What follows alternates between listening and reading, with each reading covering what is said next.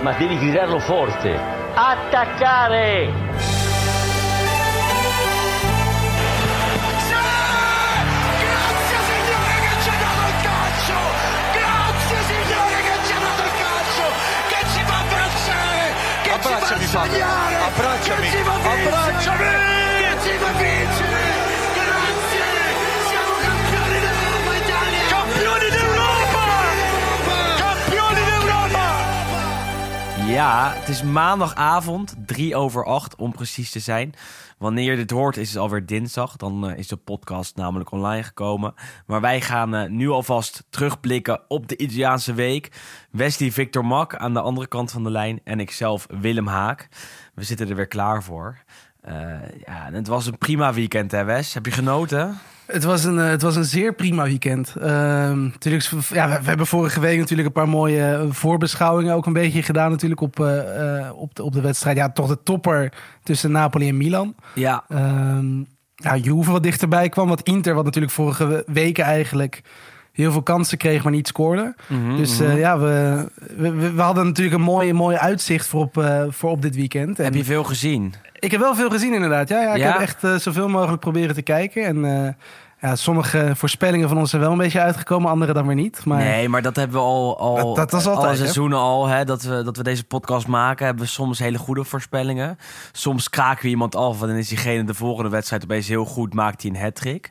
ja, dat is het eh, Lo Stadio effect. hè. ja, Dat- precies. Daar hebben wij patent op. Met, met Soriano van Bologna is dat volgens mij het ergst geweest. Dat hij door ons werd afgekraakt aan het begin van het seizoen. En dan vervolgens maakte die er eh, nou, bijna twee per wedstrijd. Eindigde die op eh, 15 plus dat jaar.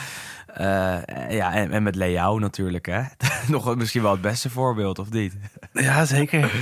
Ehm, ik heb ook veel gezien. Was vorige week was het iets minder het geval. Dit weekend het eh, tussen alles heen kunnen plannen. Ehm, ik ben ook een beetje verslaafd aan een serie namelijk, Station 11. Eh, maar dan kon ik mooi een beetje switchen tussen die serie en de Serie A-potjes. Eh, en dat was wel lekker, moet ik eerlijk zeggen hoor. Dan kan je het mooi, eh, mooi met elkaar afwisselen. En dan geniet je ook meer van die wedstrijdjes. Laten we beginnen bij, eh, bij de topper van het weekend, denk ik. Hè? Napoli-Milan. Eh, zondagavond gespeeld. was een lange aanloop naartoe. Eh, de Italiaanse media was er heel veel aandacht voor. En terecht ook negatieve aandacht. Want Mediaset kwam met een racistisch plaatje... waarbij Leao en Kessie als een soort butlers Ja, werden, werden neergezet. Ozyman, ja, ja, ja, ja, ja, ja. Ja, wat moeten we daar nou wel zeggen? Dat dat nog Ja. gebeurt nu is, is, is echt belachelijk. Maar als neergezet als butlers van de twee trainers. Ja, nou, als kappers geloof ik. Omdat ze natuurlijk Ja. allebei kaal zijn. Dus die werden dan voor de grap zo neergezet. En dan kiezen ze die twee uit. Ja, ik snap aan de ene kant wel... Volgens, ja, volgens, we hebben volgens mij allebei op onze Twitter staan. Dus als je niet weet waar die over gaat... Nee, moet jij hebt hem even- staan. Ik, ik, kijk, Ja, dan moet je hem even terugzoeken. Precies. Ik wil wel aandacht besteden aan zulke soort dingen. Alleen gebeurt het echt zo vaak. Eh, dan, dan hebben we het er liever in de podcast over. Dan Nee, dat ik op. Twitter weer een obligaat tweetje eh, waarin ik zeg... eh, oh, wat erg. En, en dat dat dan weer... eh Nou goed, ik heb dat wel niks. Ja. Nee, Sorry ik- voor de, de- deze beoordeling. Nee, maar wat ik zeg, kijk, het is, ehm, dit, ja, het is een cartoon. Dus ik snap wel natuurlijk dat dat allemaal wat, wat overdreven wordt. En het is gewoon heel ongelukkig dat je... Ja, het, het valt niet goed te praten natuurlijk ook. En het, het, het erg is gewoon... Ja, wat jij zegt, het, het gebeurt zo vaak. Je, je, Ja. je, ja, je kijkt er bijna niet meer van op. En, en ja, je ziet het dan weer voorbij komen. En denk je van ja, het, het is gewoon weer zover. Dat is helaas is dat nog steeds gewoon een beetje de staat waarin Italië mentaal in ieder geval zit. Maar er waren ook mooie voorbeschouwingen, Ja, moeten we zeggen. Want eh eh, CB jij bent groot fan, eh, fan van CBS, hè? Ja, nou ja, kijk, weet je wat het is? Zij, zij besteden zoveel aandacht aan de Serie A. En daar heb ik gisteren ook even met Michael van Varenberg over geappt, de Belgische commentator van Eleven. En die zei, ja, die, die, die sturen zoveel mensen naar Italië en, en zo'n grote productie maken ze. Terwijl er ook daar niet heel veel mensen naar de Italiaanse competitie kijken. Maar het is ook prestige. En zij hebben nu een van hun eh, mannetjes, Marco Messina, ook wel bekend van Italian Football TV. Eh, die kant op gestuurd. Die zit nu een maand in Italië, gaat naar gigantisch veel wedstrijden. Eh, en daardoor krijg je wel hele mooie filmpjes te zien rondom die wedstrijden. Ik zeg niet dat ik groot fan van die Marco zelf ben, maar wel van eh, de creaties rondom zijn aanwezigheid daar. Want ja, hij, maakt een filmpje met Decibel Bellini, de, de, de stadionspeaker. Hij gaat roeien met de algemeen directeur van Fiorentina. Eh, ja, dat zijn dingetjes waar, waar ik dan wel jaloers op ben. Eh, Jij niet? Als, als Italiaanse eh, volger, als volger van het Italiaanse voetbal? Ja, absoluut. Wij mogen ook wel een keer die kant op worden gestuurd, denk ik. Dat lijkt me wel, toch? Dat lijkt me wel. Dat lijkt me Dat is wel. het minste wat de mensen voor ons kunnen Precies, en dan oké, niet voor een maand, maar wel voor een weekendje of voor een week. Maar ja, hij, hij krijgt ook overal een, een, een, een, een toegangsbewijs tot op het veld. Want ook bij Napoli-Milan stond hij naast het veld en interviewde, interviewde die matchwinner Olivier Giroud na afloop van, eh, van de wedstrijd. Want het werd 0-1 voor Milan. Ehm, in Nederland was men niet zo enthousiast over het niveau van de wedstrijd. Jij wel? Mm, nou, misschien je had er... Ja, dit, kijk, het is lastig natuurlijk. Want het zijn, het zijn ook wel twee... Ja, toch wel een beetje verschillende ploegen. Waarbij Napoli normaal gesproken toch wel de ploeg is die vaak eh, de, ja, het, spel maakt. Ehm, en Milan zeker recentelijk eh, ja, lelijk ook kan winnen. Of tenminste laat zien dat dat ook mogelijk is. Eh, en dat doen ze heel goed natuurlijk. En ja, het niveau was misschien niet wat je zou verwachten van een nummer 1 tegen de nummer 2. Ehm, maar er zat natuurlijk wel heel veel spanning op. En dat was natuurlijk ja, een van de dingen die ook juist in die voorbeschouwingen werd uitgemeten natuurlijk. En het mooie was natuurlijk ook dat Napoli in de aanloop naar die wedstrijd een soort... Ja, hoe noemden ze dat? Een, een pact had gesloten met, eh, met, Ja, met de spelersgroep naar verluid. Dat ze dus tot het einde van het seizoen, juist om die focus op de eventuele eerste Scudetto in, eh ja, in mensenleven ongeveer eh, Mhm. te Sinds houden. 1990. Ehm, dus niet te gaan praten over contractverlengingen of transfers en dat soort dingen. Allemaal een beetje buiten de, ja, buiten de media te houden. Of in ieder geval er eigenlijk helemaal niet mee bezig te zijn. En het idee was dan, dan kunnen we voor ons 100% focussen eh, op de wedstrijd. Alleen dat ging wel eigenlijk direct fout. En, en Insigne die zei het ook na afloop van... dit zijn wel de momenten waarop we, ja, je, je wil zorgen dat je herinnerd wordt. Alleen op deze manier gaat niemand ons onthouden natuurlijk. Nou, ook omdat Insigne zelf een beetje karakterloos speelde. Hetzelfde gold voor eh, Fabian Ruiz. Eh, die, die allebei gewoon echt onzichtbaar waren. En Napoli heeft deze twee spelers echt absoluut nodig om te presteren tegen deze topteams. En dat hebben ze, eh, of tegen deze topteams in de Serie A moet ik dan zeggen. Ehm, en dat hebben ze niet gedaan dit jaar, want ze hebben eigenlijk tegen nog geen enkel, eh, enkel team uit de top 4 echt gepresteerd. Tegen Inter één keer verloren, één keer gelijk gespeeld. Bij Milan, nou trouwens, bij Milan wel gewonnen met 0-1. Maar dat was ook een lelijke wedstrijd. Eh, en dat zag je nu ook weer, dat, dat ze toch niet op hun best zijn tegen een sterke tegenstander. Ook weggespeeld door Barcelona in de Europa League. Is het dan een team waarvan je denkt, ja, die zie je gisteren spelen. Oh, wat goed. Eh, of, of, of, of, wat slecht eigenlijk. En wat, wat, wat goed was Milan? Of, of eh, gaat het niet zo erg dat, dat die twee kanten op? Nou, Slechte ik denk- vraag, hè? Ik denk, eh, dat is een hele slechte vraag. Ja. Nee, maar goed, nee, dit is.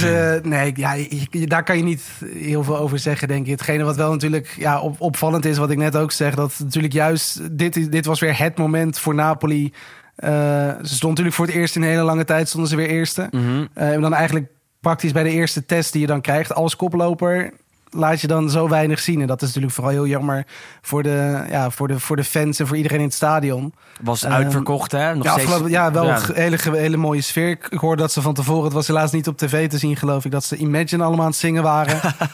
het is natuurlijk een beetje cliché rondom alle, ja, een beetje een verplicht nummertje is dat tegenwoordig natuurlijk. Ja, maar ze doen alle slechte dingen die gebeuren. Maar goed, het was, het was wel stijlvol. Dat soort, eh, Ehm, dat soort acties doen ze bij Napoli altijd heel, eh, heel mooi, vind ik. Want een van mijn mooiste momenten in de Serie A, eh, los van het voetbal, is dat toen Pino Daniele was overleden, een, bekende Napolitaanse zanger, dat het hele stadion eh, zijn bekendste nummer zong.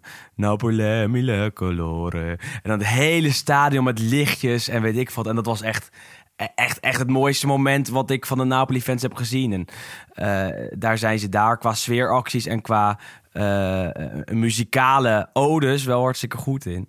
Ehm, ik zag het wel op de Italiaanse televisie. Daar, daar heb ik af en toe eventjes een streampje van aanstaan om de voorbeschouwing toch mee te pakken. Eh, en, en daar geniet je dan toch wel eh 100% van. Ehm, nou ja, de sfeer, sfeer mocht niet baten, want eigenlijk was Milan de betere ploeg. Hè?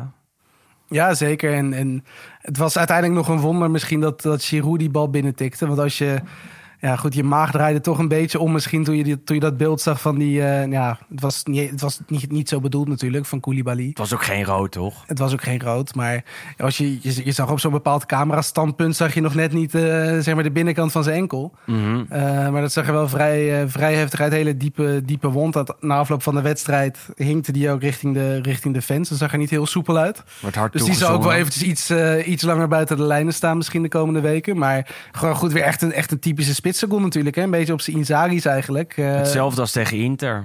ja, en, en, en nu... Ja, goed, hij doet dan toch een beetje dat nummer 9 van Inzaghi zijn, eh, ja, de eer aan. Eh, want het was volgens mij een schot van Calabria uit een hoekschop, dacht ik. En, en ja, puntje van de schoen. Hij heeft volgens mij hele grote schoenen. Ja. Ehm, ging erin en, en ja, verder... Ja, ze zijn eigenlijk heel weinig in de problemen gebleven, eh, ge- gekomen. En dat is natuurlijk eigenlijk wel, wel heel knap van Milan. Want wij zeggen natuurlijk ook al best wel een lange periode van... ja, op een gegeven moment moet het een keer... moet dat bubbeltje toch gaan knappen, zou je zeggen. Want je, ja, je ziet toch dat het misschien qua individuele kwaliteit... niet het allerbeste is wat er in de Italië rondloopt. Ehm, absoluut. Dat heb- het ook heb- misschien ja. tactisch niet altijd even goed is... maar op de een of andere manier blijven ze het maar doen. Dus op een gegeven ja, er gaat Maar toch vind je het goed. tactisch zo slecht? Ja, het- het- niet, niet per se, maar je hebt toch ook zeker tegen die, in, tenminste die laatste paar wedstrijden natuurlijk tegen, wat was het, Salernitana 2-2 en Udinese 1-1. Dat zijn dan toch ook dingen dat je denkt, is het dan inderdaad mentaliteit dat, dat, waar het even niet goed gaat? Of is het dan toch tegen kleinere ploegen misschien eh, wat moeilijker een, een, een plan te bedenken? Energie ook, dat dan toch een Ja, beetje nee, dat is wel goed. denk Natuurlijk, ik. je speelt natuurlijk ook veel wedstrijden nu weer in een korte periode. Maar ja, er gaat toch duidelijk iets goed. En dat is denk ik eh, ja, heel veel veren in de, in de reet van Pioli. Ja, Eh, vooral en, en iedereen, verdedigend eh, en iedereen het natuurlijk daaromheen. goed. Vooral verdedigend is het gewoon zo sterk. Ondanks dat Kjaer er niet is, ondanks dat Romagnoli vaak geblesseerd is, staat het daar nog steeds zo goed, wie er dan ook ontbreekt. Want nu stonden ze met Calabria, Kalulu, Tomori en Theo achterin. En ja, dat was echt eh, misschien wel de linie die het best werkte eh, tegen Napoli. Ik bedoel, Kalulu eh, speelt altijd goed als hij moet spelen. Tomori zou ook bij Engeland in de basis moeten staan. Is misschien wel de beste centrale verdediger van de Serie A op dit moment. En, en hetzelfde geldt voor Theo Hernandez op linksback. Die een van zijn beste wedstrijden van dit seizoen speelde ook irritant was, maar naast zijn ja, classic, naast zijn irritante acties vaak opstoomde en ook verdedigend steeds beter wordt. En daarachter heb je dan nog Menja, die wanneer het moet ook optreedt. Dat deed hij ook een keer, paar keer bij een schotje van Ozyman. Eh, en vanuit die defensieve organisatie eh, lukt het Milan toch vaak om, ook al hebben ze het lastig, zich toch te herstellen en dan zelf een keer te scoren. En dat, nu hadden ze niet eens zo lastig, maar eh, kregen ze ook zelf niet veel kansen en maakte Giroud de, eh, de 0-1 alsnog. Leao iets onzichtbaar hè, deze wedstrijd. Ja, je had wel het gevoel dat het toch een beetje van hem moest komen, zeker in de eerste helft. Ehm, dat hij eigenlijk praktisch de enige op het veld was waar echt wel, tenminste waar je het gevoel hebt dat er op ieder moment iets kan gebeuren. Alleen, ja, hij is volgens mij een paar keer is hij aan de rechterkant er langs gekomen en dan probeerde hij een voorzet te geven en die kwam uiteindelijk nergens terecht. Ehm, Toch weer zijn oude trekjes af en toe. ja, maar goed, kijk, het is natuurlijk ook niet dat Napoli ja, een gatenkaas is achterin. Nee, Ik bedoel, die, die verdedigen over het algemeen ook vrij, eh, vrij solide. Dus dat, dat, dat niet per se. Maar goed, en dan is het inderdaad wel mooi dat ook als dus je het beste speler van de laatste weken niet helemaal thuis geeft. Dat je dan toch via een- je, je rechtsback en de teen van je, je half geblesseerde spits eh, ja, zo'n belangrijke wedstrijd weer wint. En nu staan ze gewoon weer eh, ja, boven Napoli. En is dat is toch weer een klein gaatje geslagen. Absoluut. en dan, Ehm. dan merk je toch aan het opportunisme dat, dat er vorige week was na de zege van Napoli bij Lazio. Dat het gelijk weer helemaal kantelt. Hè? Dat het gelijk is. Oh, Napoli staat nu nog maar vier punten voor op Juventus. Eh, ze geven het te vaak niet thuis. Nou, straks. eh, eh, eindigen ze nog buiten die top 4. Zo snel zal het niet gaan. nou ja, is, nee, dat denk ik niet. Ik denk niet dat ze buiten de top 4 gaan. Nou ja, toen zei ik dat op een, een maand geleden. Maar eh, ik, dacht wel dat ze eh, na die wedstrijd eh, bij Lazio beter zouden zijn tegen Milan. En, en, dat viel me toch een beetje tegen. Want wat ik al zei, Ruiz eh, of Fabian, die, die, die, die, die vond ik niet zo goed. Ik vond Insigne toch weer afwezig, terwijl hij tegen Lazio fantastisch was. En ook Ozyman, waar ik zelf echt wel een grote fan van ben is super energiek, maar qua rendement is dat nog steeds niet goed genoeg, eerlijk gezegd. Want eh, hij is absoluut een gevaarlijke man. Hij, hij rent veel vooruit. Hij eh, maakt loopacties die super slim zijn. Maar vaak is het dan daarna toch nog te druistig. En ja, dat zie je ook aan zijn cijfers. Staat nog steeds op zeven doelpunten. Als daar... eh, eh, als hij daar dubbele van, van had gestaan, eh, op, op dubbele had gestaan, dan was Napoli een stuk verder geweest. En, en, en eh, ik denk dat dat ook had kunnen helpen tegen Milan. Dat, dat hij toch net iets rustiger is en net iets eh, beter onder controle heeft wat Osimhen aan het doen is. En dat, dat mis ik bij hem nog wel te vaak, eerlijk gezegd. En dat is natuurlijk ook wel opvallend dat hij op 7 staat. En volgens mij Mertens staat ook op 7, terwijl hij veel minder heeft gespeeld. En je ziet, ja, je zag toch, want hij kwam volgens mij een kwartier voor tijd, kwam die, eh, werd hij nog ingebracht, Dries Mertens. En je ziet dan toch dat het, dat het voetbal wel weer beter wordt. Om, ja, Mertens is natuurlijk ook meer een, een verbindingsspeler dan echt een, eh, een pure spits. Eh, ondanks dat hij daar natuurlijk wel zijn, zijn beste seizoen misschien heeft gedraaid ooit onder Sarri. Ehm, maar goed, ja, dat zegt denk ik ook wel iets over ja, misschien toch een beetje de vorm van Osimhen en, en zijn, ehm, ja, hoe kun je het noemen? Druisigheid. En, En hij, is, hij lijkt ook gewoon tijdens die wedstrijd lijkt hij met andere dingen bezig. Want hij is natuurlijk twee keer is hij volgens mij tijdens een actie dat Orsato stond te kijken op de achtergrond met Theo half op de vuist gegaan. Ja, en dat zijn toch ook dingen die er zeker uit moeten. Want hij heeft natuurlijk begin volgens mij de eerste wedstrijd van het seizoen gaf hij toen eh, wie was dat? Daan Heijmans van Venetië volgens mij een tik. Ja. Ook tijdens een corner kreeg hij een rode kaart. Eh, ja, dat, dat zijn toch dingen dat je denkt van je moet wel je kop erbij houden, want ja, anders dan, dan, dan, ja, dan wordt het dus ook niks. En dan krijg je dit soort wedstrijden En dan waarin hij echt wel een goal had kunnen maken. Ja, Zo absoluut. En, en hij had het verschil kunnen maken, want de kansen kreeg hij wel. Ehm, weliswaar niet heel groot, maar dat zijn dan toch wel de, zeker in dit soort topwedstrijden, dat zijn de momenten waarop je juist je kop erbij moet houden, zou je zeggen. Hij is toch eh, niet onverstoorbaar genoeg. Wat je bij veel andere spitsen wel ziet. Eh, en die dan wel de winnende maakt, maken. En dat zie je bij Osimhen te weinig. Eh, iemand die ook onverstoorbaar is, is eh, de scheidsrechter, hè? Orsato. Ik heb daar zoveel genoten. Dat eerste, Ja. dat eerste kwartier of, of die eerste twintig minuten was hij overal. Bij elke overtreding die, waarvoor hij floot, rende hij erop af om met de spelers te praten. Hij ging naar Pioli, hij ging naar Spalletti. Hij maakte er een mooie show van, hè? Ja, het is natuurlijk. Ja, je vindt van, ja, je kan van hem vinden wat je van, hem- van hem kan vinden. Maar ik moet zeggen, ik vind het echt wel een hele fijne scheidsrechter. Want het is in ieder geval iemand die. ehm, ja.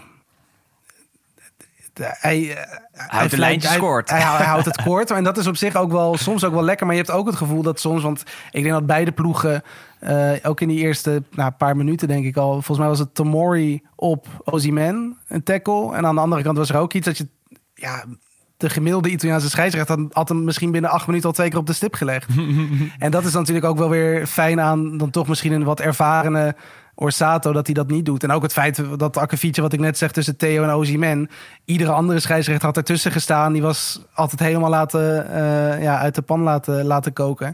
Die had waarschijnlijk twee gele of misschien twee rode kaarten gegeven. En Orsato staat er gewoon bij en die ziet van ja, goed, we gaan lekker voetballen jongens. Precies, en door, weet je wel. En, en dat, eh, hij houdt het kort, eh, maar wel eh, net, net, net, net op een manier waarop je de wedstrijd wel de intensiteit, intensiteit laat hebben die die wedstrijd moet hebben ook. En, en Ja, het was mooi. En ik zag ook van iemand die, die de wedstrijd ook zat te volgen. En die had dan, tenminste, die kon blijkbaar heel goed liplezen. Want die zei dat, of tenminste, die had getweet dat Orsato had gezegd, terwijl die in beeld was: Questi vogliono farmi incazzare stasera. Dus deze gasten hebben gewoon zin om mij vanavond even over de hooi te laten eh, te gaan. Die kreeg ik ook door van, eh, van Ja. Vincent, die ook een keer is, eh, is mooiste. aangeschoven. Ja, dat je dat zo ziet. En dan, dan denk je ook, ja, dat willen ze ook. Ze willen je tot het, tot het randje brengen. En uiteindelijk lukt het Orsato toch vaak, niet altijd, maar wel vaak, om die wedstrijd goed onder controle te houden. Eh, Napoli verloor dus, Milan won 0-1, staat nu eerste. Eh, wel met een wedstrijd meer gespeeld dan de nummer 2, want dat is Inter. Inter speelde eh, vrijdagavond al. Even kort, denk ik, want eh, ze wonnen met 5-0 van de nummer laatst, Salernitana. Hoeven we niet te veel woorden aan vuil te maken. Eh, ja, wel iets om bij stil te staan is dat Lautaro Martinez ineens weer kon scoren. En het is een beetje het verhaal van de ketchupfles dan. Ja, precies. Als er één doelpunt uitkomt, dan volgen er gelijk snel meer. En ja, dat, eh, dat zag je bij Lautaro. Opeens de rust weer hervonden. En eh, dan maakt hij ineens een hat-trick. Ehm, ja, Ja, nou goed, kijk, dit was toch wat ik net zei helemaal toen we, toen we begonnen. Dat we vorige week natuurlijk hebben gezien dat Inter eh, eigenlijk tegen Sassuolo en tegen, wat zat er nog tussen? Tegen Sassuolo en tegen Genoa. Ah, tegen Genoa. En dat ze dus in, in die wedstrijd allebei heel veel kansen hebben gekregen. Expected goals heel hoog. Echt wel, ja, dat bijna een wonder was dat ze niet tot scoren kwamen. En dan zie je dan nu een wedstrijd later, dan vliegt alles tegelijk in. Want het, ja, ik denk eh, 5-0 was nog vrij, vrij net misschien. Ik denk dat er nog wel meer in had gezeten.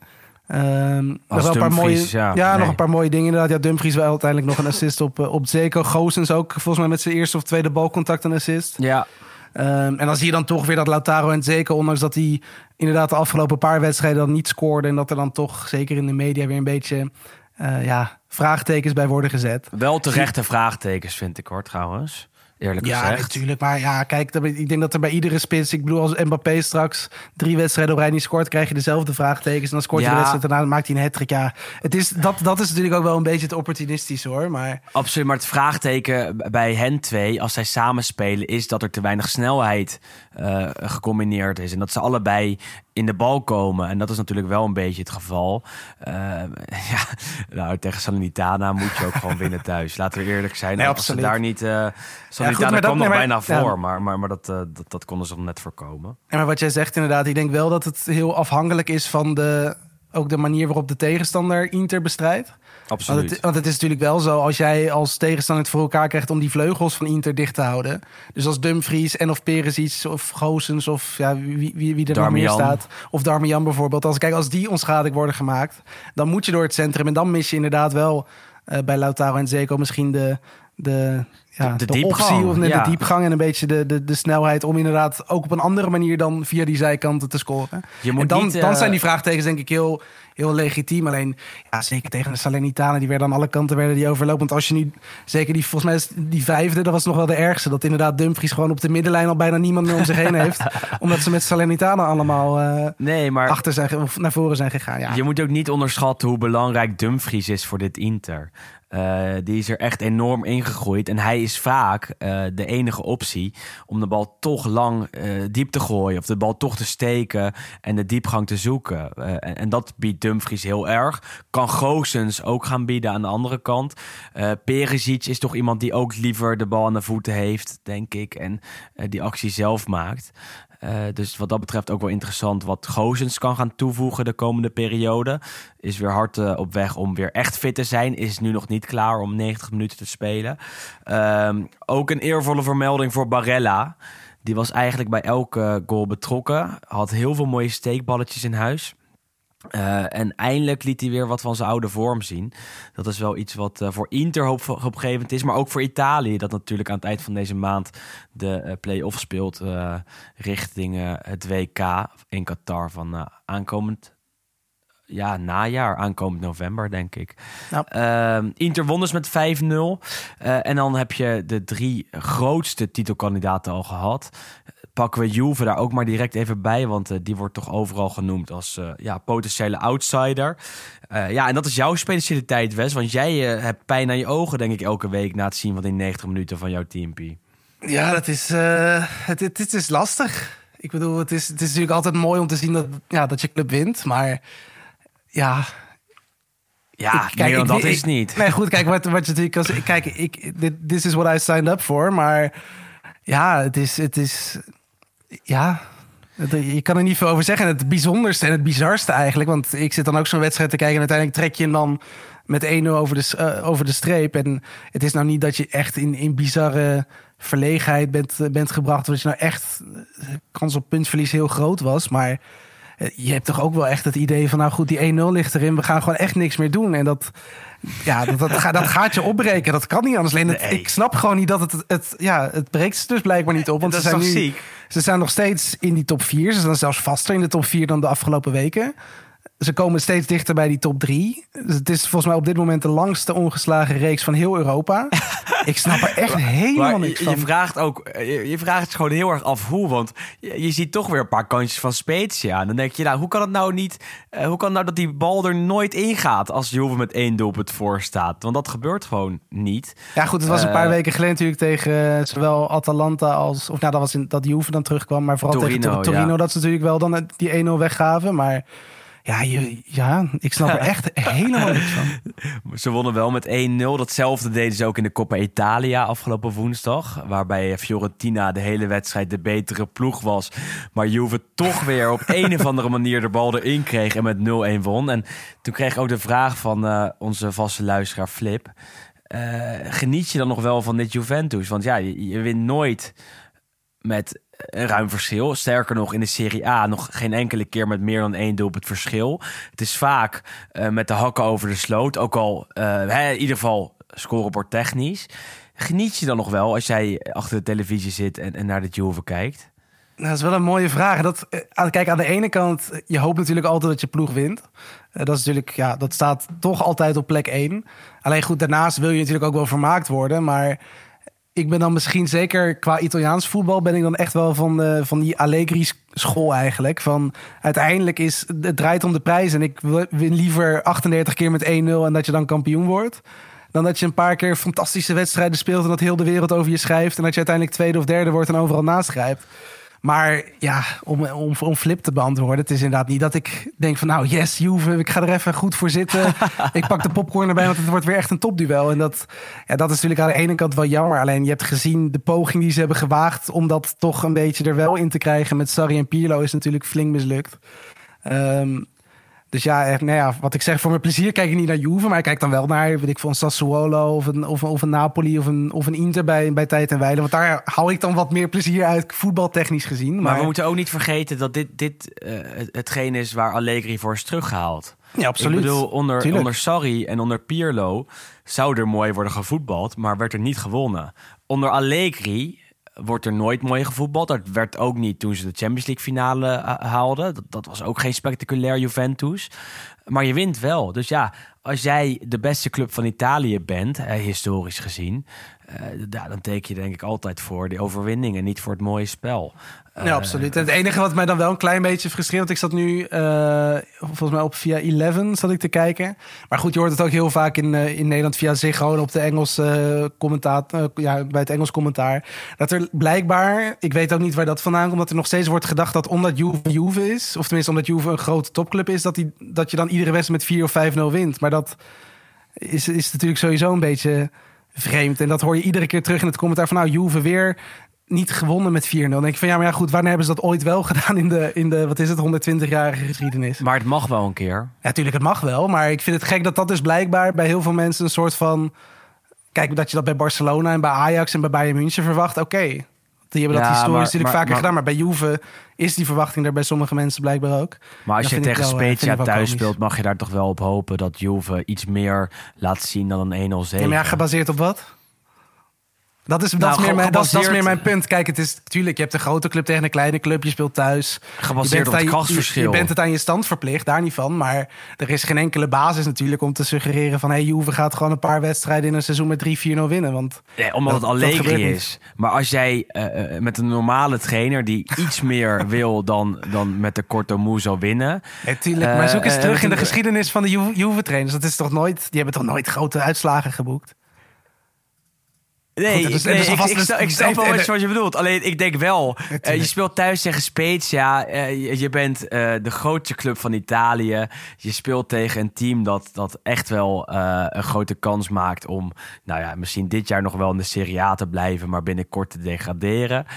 Dan zou ik als fan hopen dat ze iets meer doen dan na een 1-0 met de billen in de eigen goal. eh, Nee, tuurlijk, maar, nee, maar, dat, nee, maar kijk, dat bedoel ik niet. De hoop is er wel.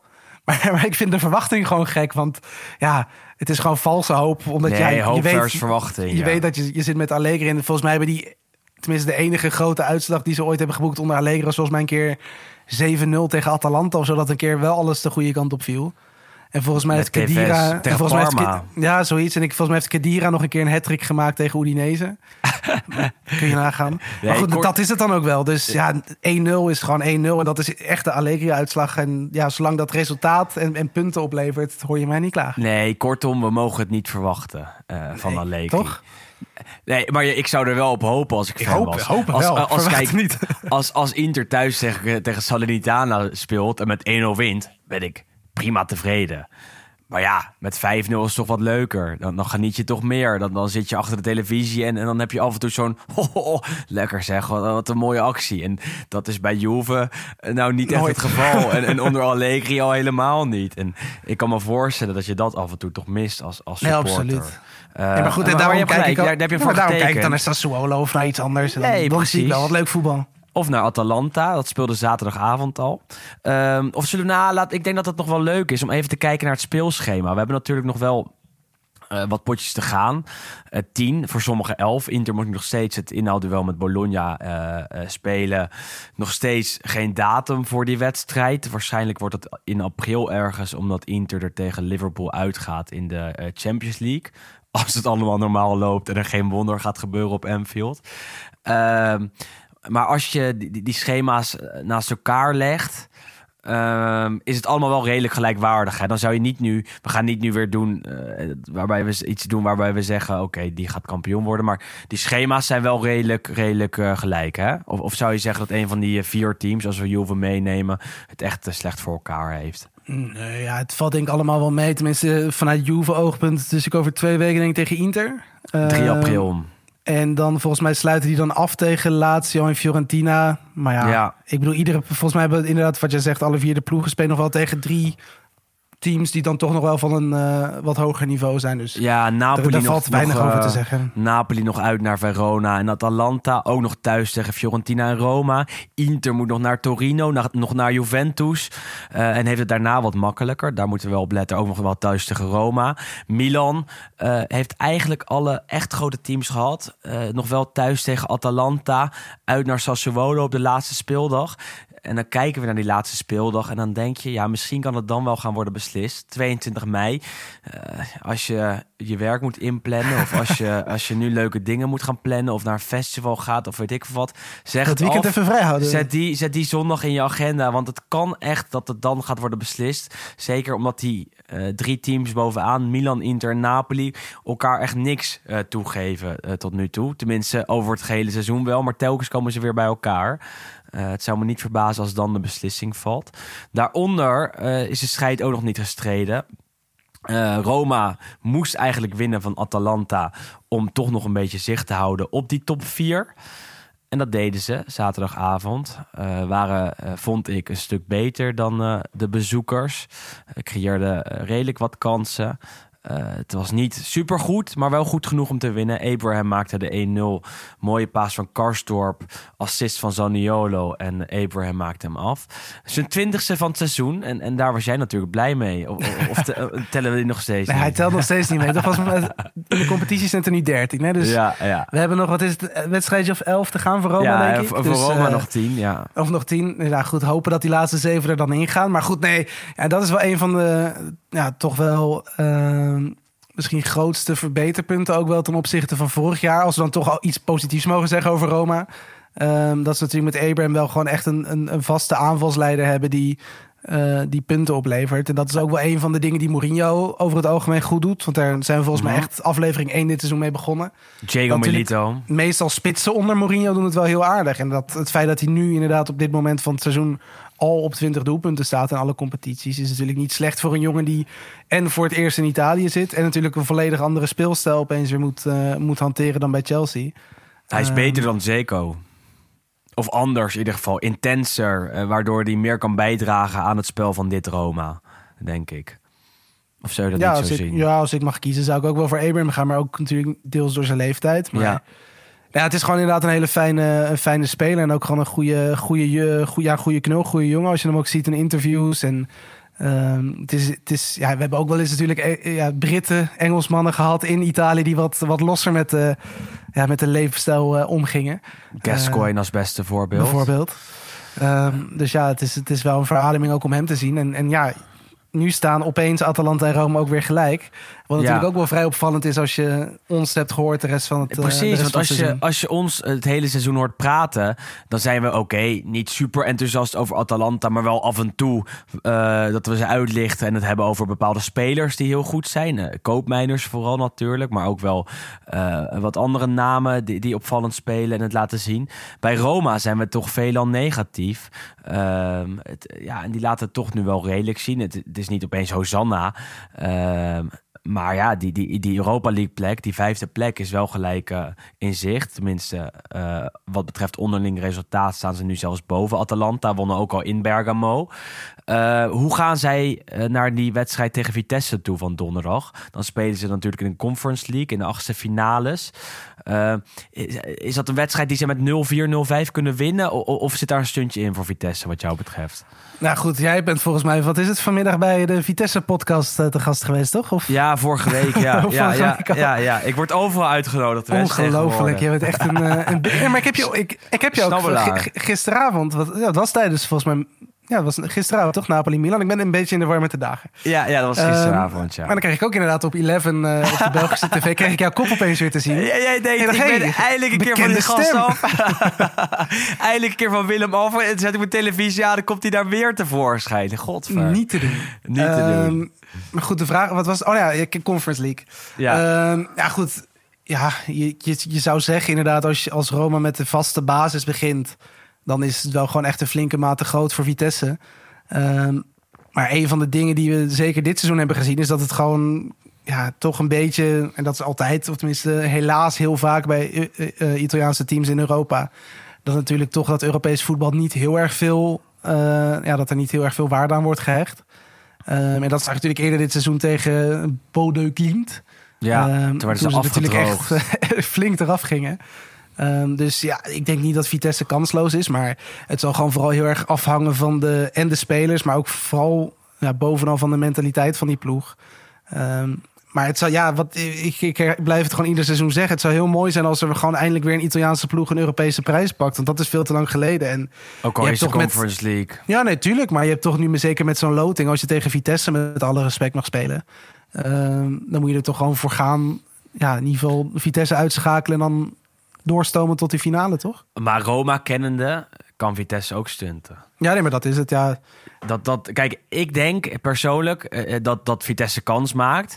Maar aan de andere kant kan het ook zomaar 0-4-0-5 worden. Want als Roma goed is, zijn ze echt veel te goed voor dit, dit, dit Vitesse. En dat zag je ook bij Vitesse, eh, PSV en Ajax Vitesse. Dat als er een enige... ehm, een enige vloeiende aanval tegenover ze staat, dat het wel gelijk ehm, heel hard kan gaan. En als jij kijkt naar die namen van, van Roma, eh, daarvan uitgaande dat ze met de sterkste elf gaan spelen, heb je Saniolo, Abraham en Pellegrini eh, die de aanvalsdriehoek vormen.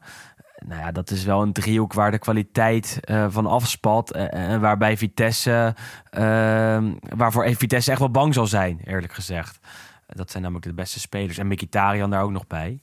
Ehm, ja, Roma absoluut een grote favoriet. 35% kans dat die doorgaan. Maar ja, Vitesse-fans, jullie kunnen je ook vasthouden in die 5%. En eh, als er één club is die het zelf kan verpesten in Italië... dan is het samen met eh, Inter en Napoli toch wel AS Roma.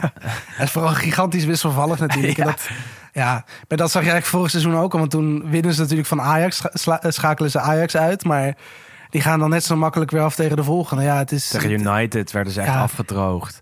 Het is, eh, geen ik ga daarheen. trekken. Heb je, heb je nog getwijfeld om erheen te gaan? Naar Vitesse-Roma? Ja, ja, maar jij gaat eh, voor? Mourinho, toch? Jij gaat zijn handtekening scoren. Ik ga voor Mourinho, ja. ja mijn, mijn, mijn grootste, eh, eh, ja, de grootste tegenvaller eh, rond voetbalgebied eh, met corona... is dat de afscheidswedstrijd van Wesley Sneijder niet doorging. Want daar zou ik ook heen gaan, in de Galgenwaard. Eh, en en eh, toen werd de gastenlijst bekendgemaakt. En daar de spelerslijst die dus zouden gaan spelen... stond Milito op, Julio Cesar, Materazzi... Mourinho als trainer. Zowat het hele eh treble-winnende Inter zou naar Utrecht komen. Dus als Mourinho nu wel weer een keer naar Nederland komt... want die wedstrijd moet toen, kans twee keer afgelast. handen- Ja, dan ga ik Absoluut. erheen en dan ga ik met een shirt... eh, of met zo'n spa- zo, zo'n eh, spandoek... Zo, zo, zo, Mourinho, mag ik je handtekening? Mourinho, ja, mag je, mag je je das hebben? Dan, eh, wie weet geeft die man wel. Ik zit wel op een verkeerde plek daarvoor. Maar dat maakt helemaal niet uit. Nog heel veel stilstaan bij Roma-Atalanta. Want de Roon kreeg een ro- rode kaart. En ja, dat was wel weer dom, hè? Ja. Jij Ja. vond dat Calimero-gedrag. Ja, maar goed, het is gewoon weer... Nou goed, vooral weer zijn reactie natuurlijk op Twitter. Ik voor... Ja, ik... Het begin... Atalanta wordt voor mij echt zo'n jeukclub. En dat vind ik heel jammer, want ik, ik heb heel lang...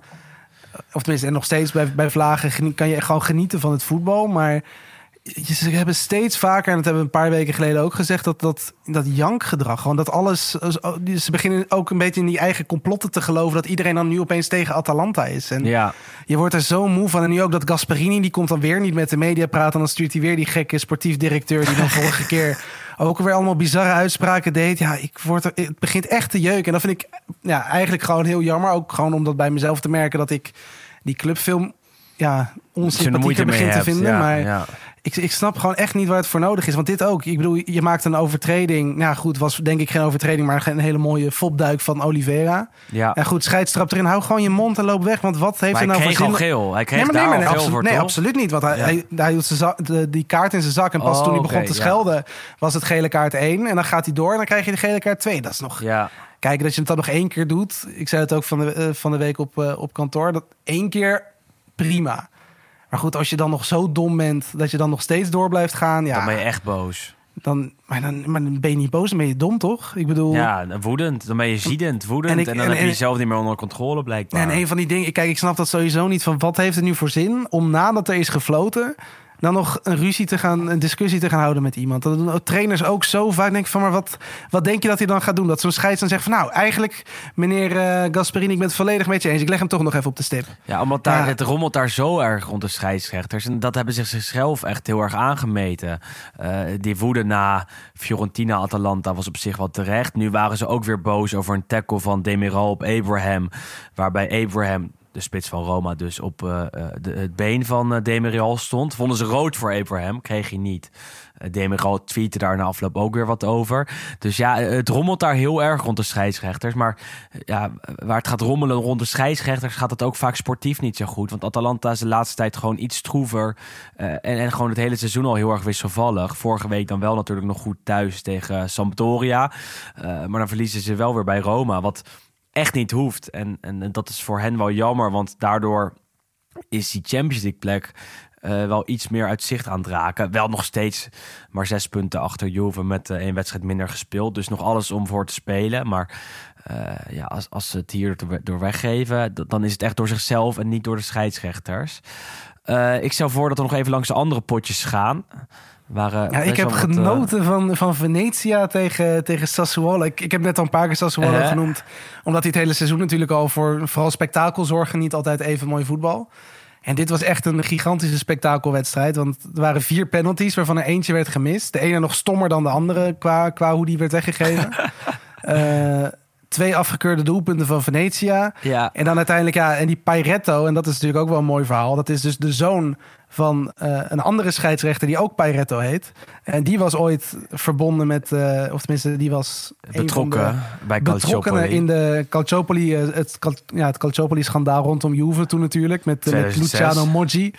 Ehm, en natuurlijk ook de scheidsrechter die ervoor zorgde dat Mourinho zijn, eh, zijn straf kreeg. Want die deed toen een paar weken terug dat mooie telefoongebaar. Ehm, maar goed, en die, Twee weken ja, hij- geleden was dat dan weer inderdaad. ja, en hij heeft nu net eh, Paretto, de zoon, dus Paretto junior, heeft dus voor elkaar gekregen wat zijn vader nooit is gelukt. om vier penalties in één wedstrijd te geven. Ehm, en Hij uiteindelijk werd het- ook, hè? Hij was Ja, altijd hij heel ziet erg er heel gek- Hij ziet er sowieso heel gek uit. hè. Het is, het is een soort, het is echt een raar. Je moet hem even, even googlen, want hij was altijd kaal volgens mij. En opeens kwam hij toen, nadat hij een tijdje, nou, volgens mij na de zomerstop, kwam hij opeens terug met haar. Een soort Antonio ja. Conte. Het is heel, het ziet, het, hij ziet er heel gek uit. Ja, vind ik ook. En ook beetje, het is een, het, hij is, Het is niet een hele Turkije geweest. Nee, het is ook een hele slechte- haar, eh, dat ook nog eens. Ja, het is ook gewoon een hele matige scheids. En, en, en nu in het voordeel van, van Sassuolo 4-1. Eh, maar ik heb wel echt genoten van die wedstrijd. En ik zag ook inderdaad op internationale, eh, bij, bij een paar accounts van de analyst onder andere, dat het volgens mij de eerste wedstrijd in een top 5 competitie was in meer dan twee jaar, waar beide ploegen eh, meer dan drie expected goals hadden. Door de goed, penalties ook, hè? Want het is Mede door de penalties pingels, natuurlijk, maar het was wel, ja, het was echt een spektakel, eh spektakelstuk. En, en bij Sa- Sassuolo kan je ook gewoon genieten van eh, de kwaliteit die daar rondloopt. Want je ziet het en je ziet Raspadori goed spelen. Berardi is altijd goed. Scamacca gaat een transfer maken eh, aankomende zomer. En dat is eigenlijk elke week, ook al spelen ze misschien niet zo goed soms, toch wel heel erg genieten. Want je ziet altijd wel een speler die absoluut binnen nu en, en een paar seizoenen... of binnen nu en een paar maanden zelfs een stap gaat maken. En, en, dat is wel eh, interessant om te zien, vind ik. Dat die talentenfabriek nog steeds doorgaat, ook onder Dio- Dionisi. Eh, en dat ze ook eh, nog steeds vol op die aanval spelen. En dat is elke week zo bij Sassuolo. Dit jaar het wel super lastig tegen de lage geclasseerde teams. Tegen de goede teams, nou ja, gewonnen tegen Milan, Inter en Napoli en eh, Juve. Op bezoek bij alle drie toch zelfs? Volgens mij. Op bezoek Ja, bij ja, zeker, ja, zeker, ja, zeker. Op bezoek bij alle drie, ja, precies. Dus, eh, nou ja, eh, als je nog wat te doen hebt de komende weken en je verveelt je, of, of niks te doen hebt dus, dan moet je echt wel even kijken naar Sassuolo. Volgende week op bezoek bij Salernitana. Daar kan wel eens veel gescoord gaan worden. Eh Udinese 2-1 Sampdoria. Eh Udinese toch weer eindelijk een keer eh, iets overtuigender. Eh Sampdoria blijft wisselvallig, hè? ook onder Gianpaolo. Wel weer het, de terugkeer van de Atomic Ant. Sebastian. De, Raar om hem te zien, hè? toch weer terug in de Serie A. Ja, maar gevoels, gevoelsmatig is hij ook gewoon 50 of zo intussen. Maar goed, hij, het valt reuze mee. Want hij is natuurlijk, ja, ja, wat ik zeg, ik heb hem daar in de MLS natuurlijk bij Toronto heeft hij een tijdje gespeeld. Hij heeft nog in, bij Al Hilal geloof ik ergens eh, en Al Ali in, in, in de woestijn. Hij is 35 nu. Ja, je hebt toch het gevoel dat die man al, al tien jaar geleden is gestopt met voetballen. Omdat hij, ja, 2015 denk ik ook voor het laatst in Italië speelde Mhm. toen. Maar goed, Ja. ja, het, het is, ja, het, het, is leuk om hem weer te zien hoor, daar niet van. Maar Dat wel, maar het is gewoon niet goed bij Sampdoria. Nee, en je vraagt je af wat hij, wat hij dan nog kan, kan brengen op die leeftijd en in, in, in, zo'n ploeg. Maar wat dus wel mooi was, volgens mij was hij dus betrokken bij een van de kortste wissels, eh, sowieso de kortste wissel dit seizoen. Want het was dus Sensi die eruit ging. En die is 1,12 meter. Ja, Jovinko, die haalt een meter niet eens. 1 meter Die- 11. Die, die, die kan erin. precies. Ja, precies. Dat dat zo- zo'n eh, eh, fysiek winnen ze het niet daar. Ook met wie dan ook niet. Caputo scoort nog wel voor Sampdoria. Dat is altijd leuk om te zien, vind ik. Udinese is toch iets sterker. Deulofeu, de beste man van het veld. Udogi, die tegen eh, Milan ook al scoorde. Deed het ook tegen Sampdoria. Eh, dus eh, dat was eh, prima voor ze. Wonnen met 2 en Udinese weer iets meer... ja, iets meer uit de degradatiezone. Cagliari Lazio, waarbij Cagliari de afgelopen weken heel goed in vorm was en Lazio de machine toch ook wel iets aan het rollen heeft, leek een mooie wedstrijd te worden. Was het ook, maar vooral voor Lazio, want met 0-3. Ciro Immobile nu topscorer of Serie A topscorer aller tijden van Lazio. Eh, en ook weer bovenaan de topscorers ranglijst samen met Vlaovic, 20 goals. Ehm, gaat Lazio zich nog mengen in die strijd om... eh, nou ja, tot de top 5 moeten we dan eigenlijk zeggen. Top 4 mogen we Lazio niet meer bijscharen, denk ik. Nee, ja, kijk, het, zit allemaal heel dicht bij elkaar. En dat, is natuurlijk, dat maakt natuurlijk wel heel mooi dat er eigenlijk op dit moment nog steeds nergens iets beslist is. Ondanks dat we natuurlijk ook al regelmatig hebben gezegd dat Cagliari en Salernitana ten dode waren opgeschreven. en dat Inter eh, een paar maanden geleden gewoon fluitend kampioen werd. Dus wat dat betreft is dat natuurlijk heel mooi. Maar ehm, ja, wat, misschien zo'n plek. Ja, goed. Ja, het zit echt allemaal heel dicht bij elkaar ook natuurlijk. Hè? Fiorentina en Verona ja, gaan ook nog, eh, doen ook nog aardig mee. Fiorentina is toch een bezig aan een vrije val. Want die speelde een dag later tegen Verona. Werd 1-1. Eh, ook geen schande. Maar ja, zij deden ook een tijdje mee om die bovenste vier plekken. En, en, en nu eh, hebben ze straks niet eens Europees voetbal misschien. Nou goed, het, het helpt natuurlijk niet als je spits wordt verkocht. Die er, die er, die er wel vrij makkelijk een paar balletjes in legt. Nou goed, en eh, kijk, ja, wat, wat, wat ik zeg, het is, het is heel mooi dat die competitie nog steeds zo spannend is. En dat is natuurlijk ook de reden waarom we nog steeds iedere week hier een uur lang over van alles en nog wat kunnen, kunnen lullen over die, eh, over die competitie. Maar ook als het niet spannend is, doen we dat hoor. Natuurlijk. Dan is het soms maar wat kijk, maar moeilijker. naar, kijk maar naar Blessing, want die eh, speelt voor de zesde keer op rij speelt hij gelijk. En daar is nog niet heel erg veel van te genieten. Maar goed, we hebben het er toch elke week over. Ik hè? zat, eh, ik zat te kijken. Ik, ik eh, zat achter de televisie en had niks te doen. Ik dacht, weet je wat? Iedereen is zo af, eh, enthousiast over Blessin. Ik ga even kijken naar Genoa. Dus ik kijk die wedstrijd en ja, wel met mijn laptop op schoot. Dus zo erg geconcentreerd was het ook niet. Maar er gebeurde zo weinig en er was zo weinig eh, van te genieten. Dat je je wel gaat afvragen of Genoa ooit nog gaat winnen. Want nu zes keer achter elkaar gelijk gespeeld. Eh, zeven punten achter de, de veilige zeventiende plek waar Cagliari staat. Maar ja, er zijn wel wat aanknopingspunten voor Genoa, maar die zijn vooral verdedigend. En aanvallend is het gewoon echt heel zwak, vind ik. En dat zag je Ze hebben één keer gewonnen dit seizoen. Ja, Eén keer. Dat is toch, dat is toch te We slecht? zijn, acht- we zijn 28 wedstrijden Ja. bezig. Ze hebben één keer gewonnen. Dan verdien- die verdienen die degradatie. Maar het is gewoon aanvallend te slecht. Want ook als Destro invalt, laat hij niks zien. En een Jeboa die mag starten, is, is echt niet een speler die je naar handhaving schiet. Hetzelfde geldt natuurlijk met alle respect voor Albert Goedmondsson, die van AZ overkwam. Dat is iemand die mee kan hobbelen, maar niet een leider die Genoa naar handhaving schiet. En ja, daarvan heb je gewoon een lading spelers eh, op het veld lopen bij die Rosso Blue. Waarover ik denk, ja, mm, mm, mm, tegen wie gaan zij dan nog punten pakken? En dat is voor Blessin of Blessin, of hoe je het ook zegt, wel, wel eh, eh, zorgwekkend, zou ik zeggen. Want Empoli is de afgelopen weken ook slecht in vorm. En zulke soort potjes moet je toch echt gaan winnen om eh, toch in die Serie A te blijven. Eh, ja, sorry Hans Otte, ik zie het somber voor je in. Goed, nog wel een mooi verhaal aan de, voor, tenminste voor de Genoa-fans... dat Criscito nog, nog wat langer in, in Genoa blijft.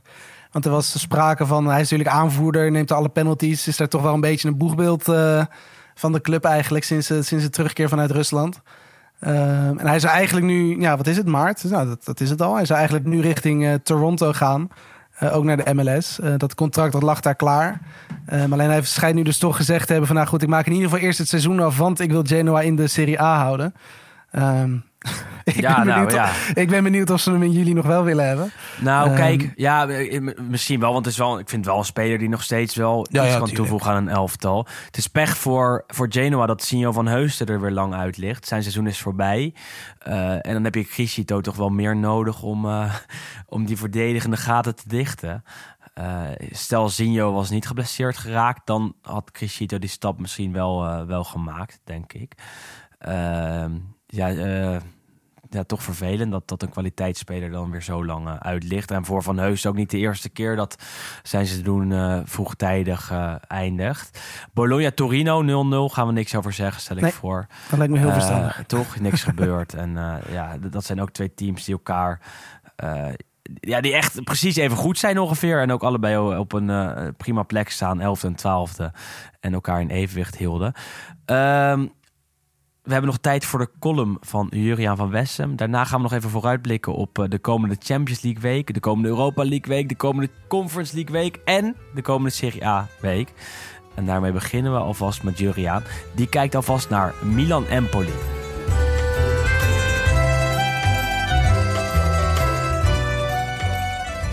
In het komende weekend staat AC Milan Empoli op het programma. En dat is hoe dan ook een bijzondere wedstrijd voor het Nederlandse voetbal.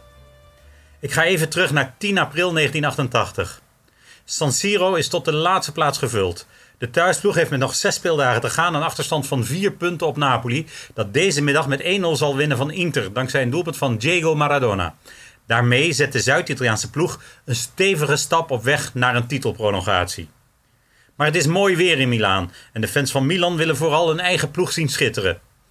Toch maakt zich de voorjaarszon een zekere loomheid meester van de ploeg. Bij rust staat het tegen Empoli nog 0-0 en daarom neemt Arrigo Sacchi een opmerkelijk besluit. Hij laat de van een enkel blessure herstelde Marco van Basten invallen voor topscorer Pietro Paolo Virdis. Het moment is gekomen waar misschien een half jaar naar is uitgekeken. Terwijl Milan onder aanvoering van een almachtige Ruud Gullit prachtig voetbal speelde, ontbrak Van Basten. Hij moest in oktober onder het mes na een mislukte start bij Milan. Hij liet zich opereren aan de Prinsengracht in Amsterdam en revalideerde deels op Milanello en deels op het Olympiaplein. In maart mocht hij weer tegen een bal trappen. Daar stond hij alleen op een verlaten trainingsveld en schoot op doel. Als een klein kind waande hij zich onbespied. Achter een boom stonden de nieuwsgierige Adriano Galliani, de directeur van Milan, en Arrigo Sacchi. Ze keken stiekem toe. Van Basten gaf zelf commentaar bij zijn schoten. Hij trapte de bal opeens in de kruising. En daar maakt Marco van Basten de winnende goal in deze finale. Milan heeft eindelijk weer de Europa Cup gewonnen, riep hij in het Nederlands. Maar Galliani en Sacchi begrepen echt wel wat er werd gezegd door hun sterspeler. Ze liepen tevreden weg zonder dat Marco het merkte en wisten dat het toch goed was gekomen. Een paar maanden eerder, na zijn eerste thuiswedstrijd in de Serie A, had Van Basten zich negatief uitgelaten over Sacchi. Fiorentina had met 2-0 gewonnen in San Siro. Van Basten kwam, zoals afgesproken, na de wedstrijd naar mij toe en beklaagde zich over de tactiek van de coach. Ik wilde hem nog wel beschermen in de roze krant, maar een collega van Football International schreef het wat harder op. En dat resoneerde natuurlijk in Italië. We moeten anders spelen, maar de trainer wil het op deze manier. Dat schiet niet op. We hebben nu alweer twee wedstrijden op rij verloren, zei de pas 22 jaar oude aanvaller. Een week later schreef Saki voor de uitwedstrijd bij Cesena de opstelling op een bord. Van Basten stond niet bij de elf namen en vroeg uitleg aan de coach. Ja, Marco, jij komt lekker naast me zitten in de dugout, want dan kun je me precies vertellen hoe we moeten spelen. Want ik ben ook maar een beginnende trainer, zei Saki. De enkelblessure maskeerde het feit dat Virdis de basisspeler was en Van Basten de reserve. Binnen een maand ging Marco onder het mes en begon Milan te schitteren naar de ideeën van Saki. Maar op 10 april was Van Basten daar dan eindelijk voor het publiek van San Siro als invaller met rugnummer 16 tegen Empoli. Een kwartier na rust nam hij de bal aan, speelde zich vrij en schoot hem van buiten het strafschopgebied in het doel. Er ging een enorme schreeuw van vreugde door San Siro. Ancelotti rende van ontlading tegen de touwen van het doel. Van Basten liep in trance naar de achterlijn om zich door zijn ploeggenoten te laten vetteren. Hij kreeg een staande ovatie. Het was de eerste stap van een voor hem onvergetelijke zomer die in München een absoluut hoogtepunt bereikte met zijn prachtige volley in de EK-finale. Ook daarom is Milan-Empoli voor altijd een wedstrijd in de Nederlandse voetbalgeschiedenis. En een jaar later zou hij ook echt voor Milan scoren in een Europa Cup finale, zoals hij op dat verlaten veld van Milanello had aangekondigd.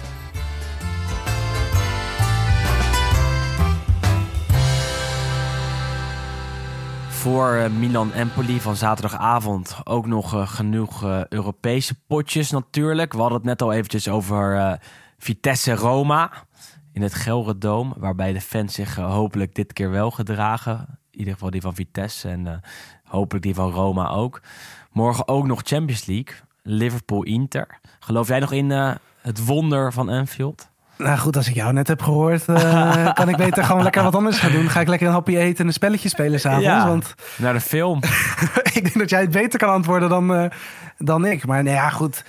Zoals jij zegt, ik, er moet wel iets heel geks gebeuren. Dat eh, wil, wil Liverpool in eigen huis uitgeschakeld worden door, eh, door Inter. En Ik heb echt geen geintje op. ja, laten we, laten we er eerlijk maar goed, over dat had. Je vorige, ja. keer- dat had je vorige keer natuurlijk eigenlijk ook al niet in die thuiswedstrijd. Nou ja, toen wel iets meer. Maar eh, toen had ik ook al het uitduel in mijn achterhoofd. Want als Inter die wedstrijd wel met 1-0 had gewonnen, waren ze er alsnog morgen uitgegaan.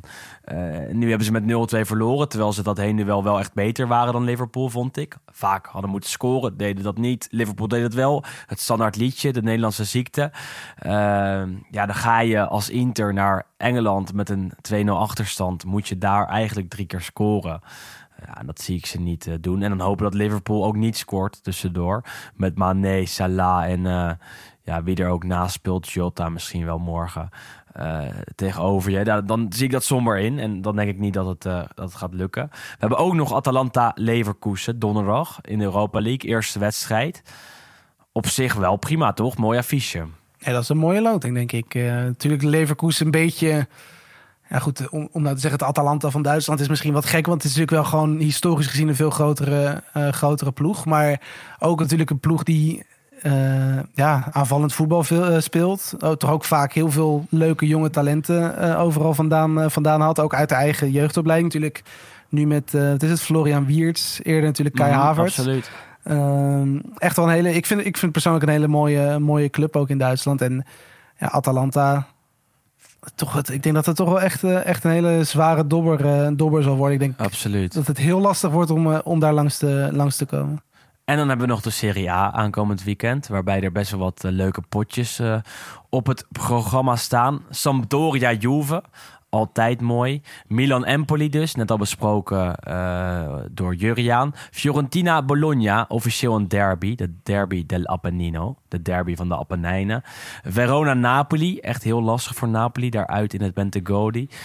Torino Goede Inter. herinnering aan de vorige keer ook natuurlijk. Hè, dat hij daar speelde. Want toen ging Juve opeens nog de Champions League in. eh, Oh ja, dat, was natuurlijk de laatste speeldag van. eh, Nee, dat was thuis bij Napoli. en dat was toen thuis. Maar goed, het, Ja. het affiche natuurlijk wel. Ja, ja, absoluut. En Torino-Inter altijd moeilijk, want Torino is dan misschien niet goed in vorm. Maar als je daar eh, naartoe gaat, is het voor iedereen lastig. En dat Heel zag, je ook stug. bij, eh, ja, dat zag je ook bij Juve toch, eerder dit jaar, die wel Ja. wonnen. Maar eh, waarbij Torino iedereen echt wat tegenstand kan bieden. Eh, nog even tijd voor de luisteraarsvragen, Wes. Want eh, ja, we kunnen wel dan wel een uur terugblikken, maar er zijn ook gewoon nog wat vragen op de Twitter en Instagram kanalen, waarbij je ze altijd kan sturen. eh, op de dag van de, van de aflevering. Nou, het gebruikelijke recept, denk ik. Jij Twitter en ik Instagram. Helemaal goed. Ik ga gewoon eventjes wat, wat, wat vragen stellen. Het enige wat je moet zeggen is ja of nee. of misschien een hele korte uitleg. Ja, Oké, ja, komt-ie. ja. We hebben niet lang meer namelijk. Zien wij Verona of Fiorentina Europees voetbal halen? Allebei niet. Wordt het niveau van de Serie A jaarlijks minder? Ja, dat vond ik een goede vraag. Die was van Hans, Hans Otte, net al even genoemd. De voorzitter van de Nederlandse Genoa fanclub. Ehm, nou, de afgelopen vijf jaar is de Serie A beter geworden. Of eigenlijk de, de, de afgelopen vijf jaar tot het begin van dit seizoen. Denk ik. Want Milan werd be- beter, Inter werd beter, Juve misschien iets minder. Maar over het algemeen lag het niveau toch wel iets hoger. Alleen zag je afgelopen zomer dat, dat alle beste spelers een transfer hebben gemaakt. Ronaldo ging weg, Hakimi, Lukaku, eh Eriksen natuurlijk om een hele andere reden. Maar dat waren wel spelers die het niveau van de competitie omhoog tilden. En dat zie je nu toch wel minder vaak, vind ik. Eh, Ja. Dus mijn antwoord is Ja. ja. Ben je het daarmee eens? Ja, ik kan me er wel in vinden hoor. Maar wat je inderdaad zegt, het is wel in- natuurlijk. Ja, het niveau van iedere competitie is een beetje. eh, ja, tenminste, het is, niet li- lineair natuurlijk. Je hebt eh, Nee. een, een keer, een dal en dan weer een keer een piek. En je hebt wel het gevoel dat de competitie ten opzichte van inderdaad iets langer geleden weer toch wel weer wat terug is. Want natuurlijk eigenlijk na 2010 is het echt wel behoorlijk ingekakt eigenlijk in Italië. Absoluut. Ehm, en je hebt wel natuurlijk geholpen door de aandacht die er natuurlijk naartoe is gegaan op een gegeven moment met de licht vanuit het Nederlandse oogpunt. Mertens die daar is gaan scoren. Eh, Ronaldo die na- natuurlijk ja, toch, toch wat is het, drie seizoenen het op zich Ja, veel heeft prima heeft, heeft gepresteerd.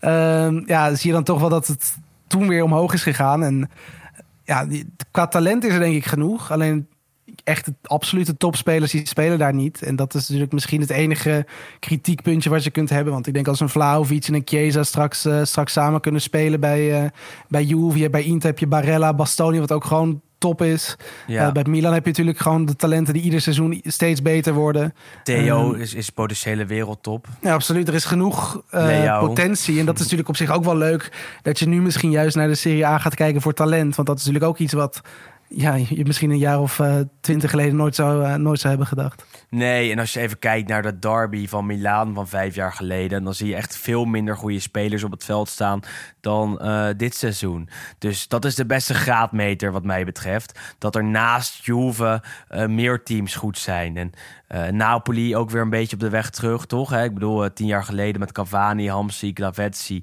supergoed team. Daarna wat schommelingetjes. Eh, maar, maar ja, zulke soort teams heb je wel nodig om die kwaliteit in de top van de Serie A hoog te houden. Ehm, nog even één vraag van, of twee vragen van Instagram dan. Ehm, welke speler van Salernitana speelt volgend seizoen nog in de Serie A? Dat vind ik echt een dat, dat is een mooi. Even denken. Een vraag met een hoge, hoge moeilijkheidsgraad, Oeh. vind ik. Nou goed, aangezien ze natuurlijk een hele hoop huurspelers hebben... eh, zullen het er natuurlijk wel iets meer zijn misschien. Eh, natuurlijk van Juve onder andere Dragusin en Castanos gehuurd. En het zou me verbazen als die dan volgend seizoen niet in de Serie A zouden spelen bij een laagvlieger. Maar goed, je zou eigenlijk op basis van wat ze hebben laten zien... Ja, Bonazzoli. ja Jij niet? misschien Ja. Verdi... Ja, Bonazzoli, Verdi. Misschien die, misschien die Djuric, die spits. Dat die zo Ja. misschien naar een andere. Mooie. Ik weet niet wie er gaat, eh, gaat promoveren. Misschien is dat Cremonese of Pisa of zo. Dan gaat hij daar naartoe. Nou ja, En, maar eh, eigenlijk, Ru- eigenlijk Ruggieri verdient. Eigenlijk eh, verdient. ja. nou, Ja, nee, ga jij maar. Nee, ik wilde eigenlijk zeggen, ze verdienen het eigenlijk niet. eh, nee, ja, ja, om nee. nog, een, eh, nog een seizoen te krijgen. Nee, ook niet om allemaal ver- vermeld te worden. Maar ze hebben superveel huurlingen. Dus we gaan zeker nog een, een, nog een aantal namen terugzien van hen. Eh, en de vraag waarom we niet meer in de studio opnemen. Simpelweg omdat we geen studio meer hebben. Dat is een, een goede vraag van, van Kane Noes, heet hij op Instagram. Eh, we hadden een deal tot, eh, tot begin dit jaar en eh, begin het kalenderjaar. En daarna is die deal niet meer doorgegaan. Dus we nemen nu via het internet op. Voorlopig nog tot het einde van het seizoen. Dan kijken we nog hoe we het volgend jaar gaan aanpakken. Maar tot die tijd zul je het met ons moeten doen via... waarbij wij opnemen via een digitale verbinding. En waarbij de podcast wordt gemonteerd door Harmen Ridderbos. Moeten we toch even een keer noemen? Ja, zeker. Daar vorige week heb ik het nog net aan gedaan. En De unsung hero. Ja, precies. Dat is, eh, die zorgt ervoor dat we een soort radiogeluid krijgen bij deze podcast. En daar zijn we hem ook super dankbaar voor. Doet dat in zijn vrije tijd. Dus eh, bij deze nogmaals dank Harmon. Ook dank aan eh, Friends of Sports en FC Afkikken natuurlijk... die deze podcast nog steeds produceren. In ieder geval tot het einde van het seizoen. En ja, voor nu bedankt voor het luisteren. Wij zijn er volgende week weer. Eh, dan eh, ja, is er hopelijk weer veel gebeurd, Wes. Tot die tijd kan je ook nog even tips, hints, trucjes laten weten via de sociale media kanalen, via Instagram, via Twitter, via alle andere kanalen waarop je ons kan bereiken.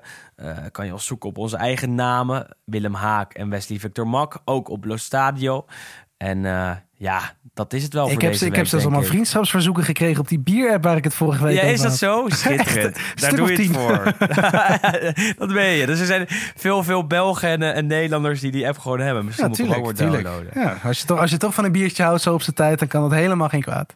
Nou, dan eh, moet je gewoon Wesley even toevoegen. Ik heb die app niet. Maar wij eh, kunnen eh, op een andere manier met elkaar in contact staan. Ik ga er direct eentje opentrekken. Ja, heerlijk. Lekker op maandagavond. Niks mis mee. Wij zeggen tot volgende week. Tot de volgende. Perfect. Nou, helemaal goed.